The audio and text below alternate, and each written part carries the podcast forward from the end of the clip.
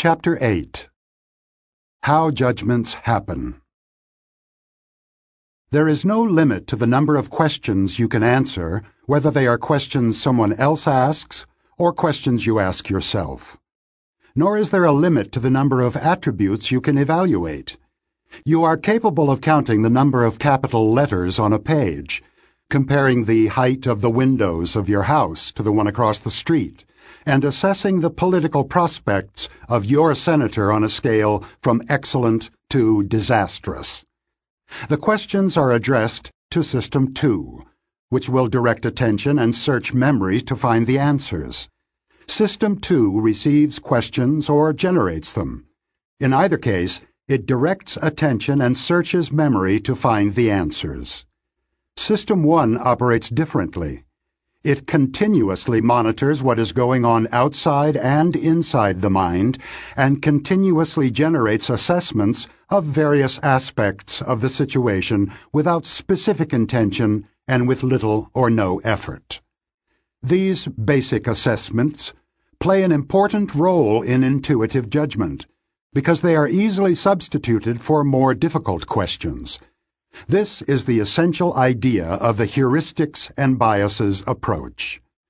Two other features of System 1 also support the substitution of one judgment for another. One is the ability to translate values across dimensions, which you do in answering a question that most people find easy. If Sam were as tall as he is intelligent, how tall would he be? Finally, there is the mental shotgun. An intention of System 2 to answer a specific question or evaluate a particular attribute of the situation automatically triggers other computations, including basic assessments. Basic Assessments System 1 has been shaped by evolution to provide a continuous assessment of the main problems that an organism must solve to survive. How are things going? Is there a threat or a major opportunity? Is everything normal? Should I approach or avoid? The questions are perhaps less urgent for a human in a city environment than for a gazelle on the savannah but we have inherited the neural mechanisms that evolved to provide ongoing assessments of threat level, and they have not been turned off. Situations are constantly evaluated as good or bad, requiring escape or permitting approach. Good mood and cognitive ease are the human equivalents of assessments of safety and familiarity. For a specific example of basic assessment, Consider the ability to discriminate friend from foe at a glance. This contributes to one's chances of survival in a dangerous world, and such a specialized capability has indeed evolved. Alex Todorov, my colleague at Princeton, has explored the biological roots of the rapid judgments of how safe it is to interact with a stranger. He showed that we are endowed with an ability to evaluate, in a single glance at a stranger's face, two potentially crucial facts about that person how dominant, and therefore potentially threatening, he is, and how trustworthy he is, whether his intentions are more likely to be friendly or hostile. The shape of the face provides the cues for assessing dominance. A strong, square chin is one such cue. Facial expression, smile or frown, provides the cues for assessing the stranger's intentions. The combination of a square chin with a turned down mouth may spell trouble. The accuracy of face reading is far from perfect. Round chins are not a reliable indicator of meekness, and smiles can, to some extent, be faked.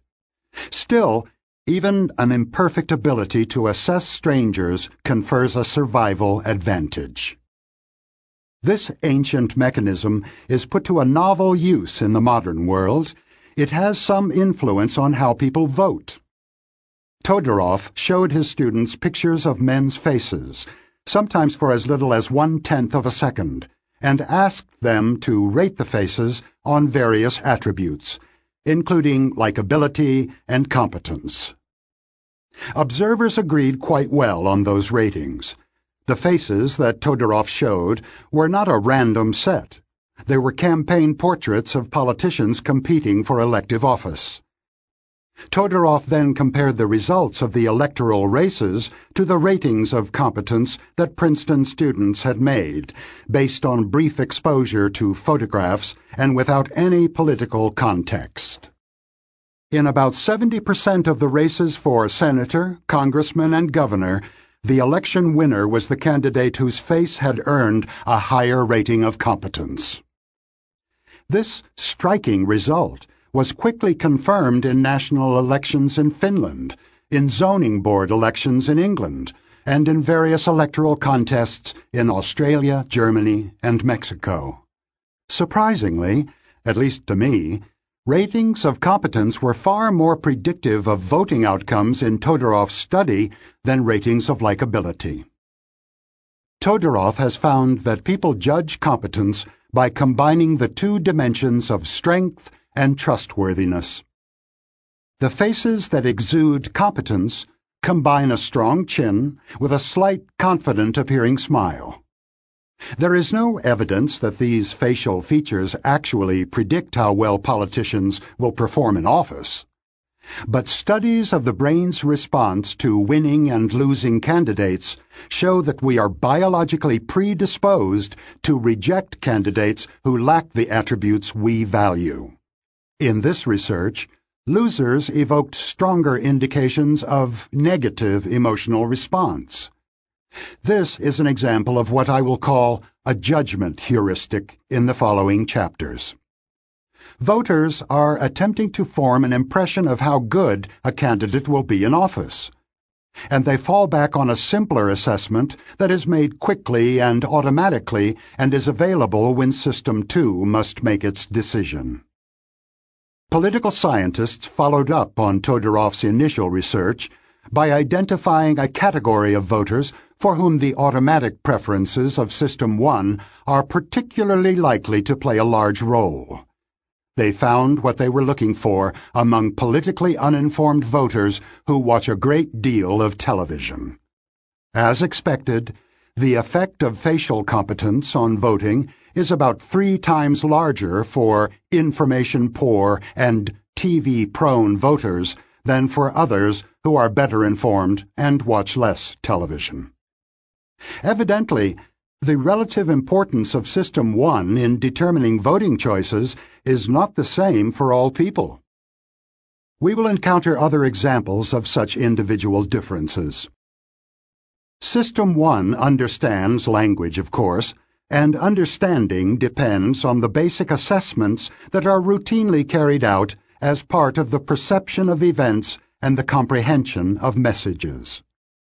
These assessments include computations of similarity and representativeness, attributions of causality, and evaluations of the availability of associations and exemplars. They are performed even in the absence of a specific task set although the results are used to meet task demands as they arise. The list of basic assessments is long, but not every possible attribute is assessed. For an example, look briefly at Figure 7 on the PDF. A glance provides an immediate impression of many features of the display. You know that the two towers are equally tall and that they are more similar to each other than the tower on the left is to the array of blocks in the middle.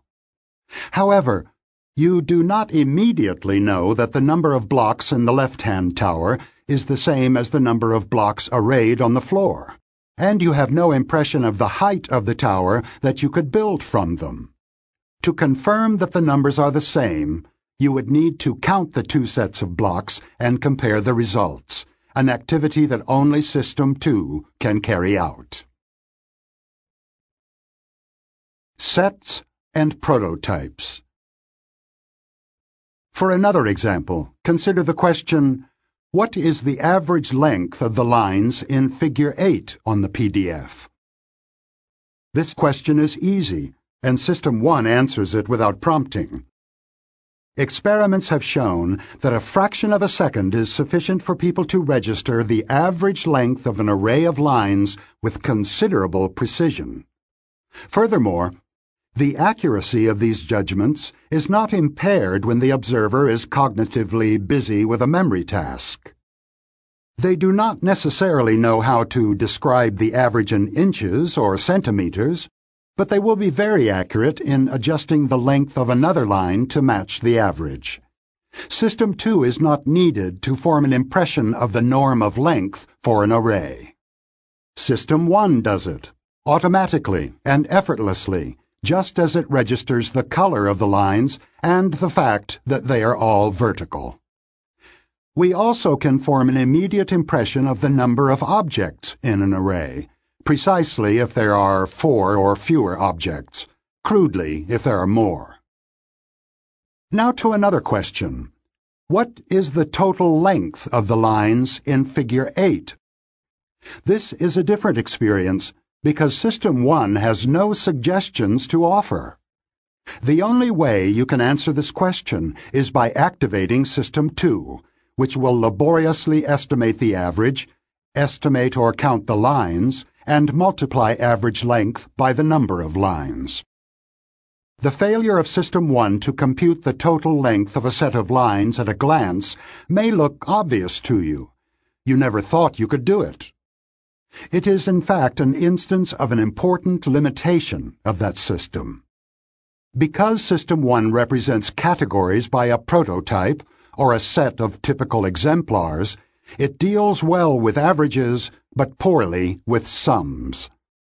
The size of the category, the number of instances it contains, tends to be ignored in judgments of what I will call sum-like variables.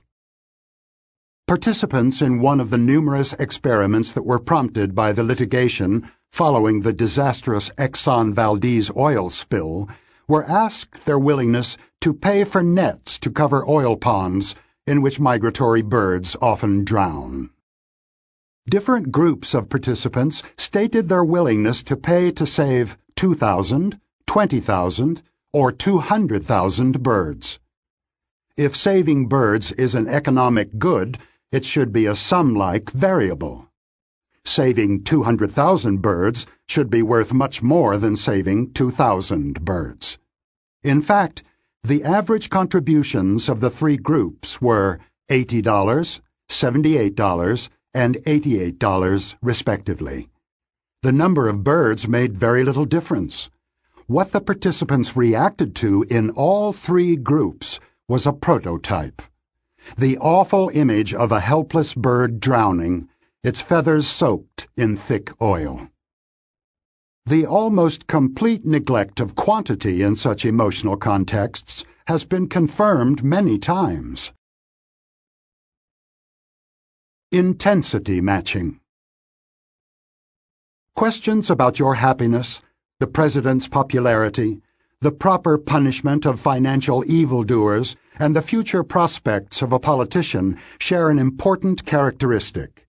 They all refer to an underlying dimension of intensity or amount, which permits the use of the word more, more happy, more popular, more severe, or more powerful for a politician. For example, a candidate's political future can range from the low of, she will be defeated in the primary, to a high of, she will someday be President of the United States. Here we encounter a new aptitude of System 1. An underlying scale of intensity allows matching across diverse dimensions. If crimes were colors, murder would be a deeper shade of red than theft. If crimes were expressed as music, mass murder would be played fortissimo, while accumulating unpaid parking tickets would be a faint pianissimo. And of course, you have similar feelings about the intensity of punishments. In classic experiments, people adjusted the loudness of a sound to the severity of crimes. Other people adjusted loudness to the severity of legal punishments. If you heard two notes, one for the crime and one for the punishment, you would feel a sense of injustice if one tone was much louder than the other. Consider an example that we will encounter again later. Julie read fluently when she was four years old. Now, match Julie's reading prowess as a child to the following intensity scales. How tall is a man who is as tall as Julie was precocious? What do you think of six feet? Obviously too little. What about seven feet? Probably too much. You are looking for a height that is as remarkable as the achievement of reading at age four. Fairly remarkable, but not extraordinary. Reading at 15 months would be extraordinary, perhaps like a man who is 7 feet 8 inches. What level of income in your profession matches Julie's reading achievement? Which crime is as severe as Julie was precocious? Which graduating GPA in an Ivy League college matches Julie's reading?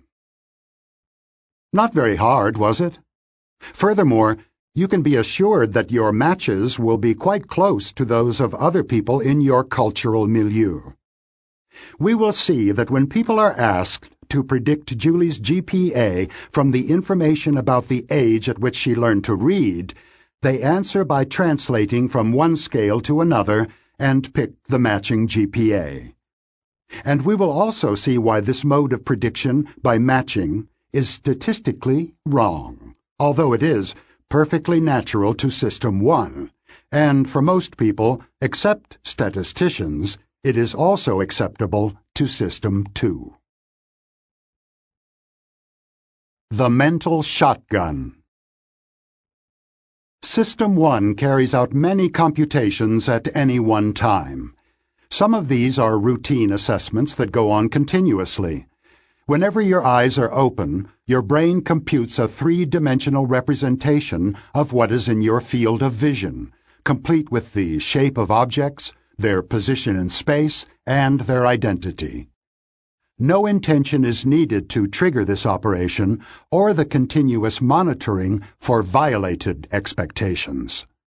In contrast to these routine assessments, other computations are undertaken only when needed.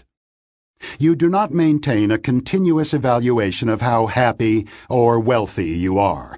And even if you are a political addict, you do not continuously assess the president's prospects.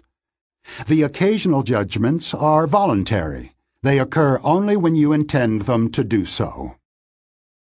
You do not automatically count the number of syllables in every word you read, but you can do it if you so choose. However, the control over intended computations is far from precise. We often compute much more than we want or need. I call this excess computation the mental shotgun.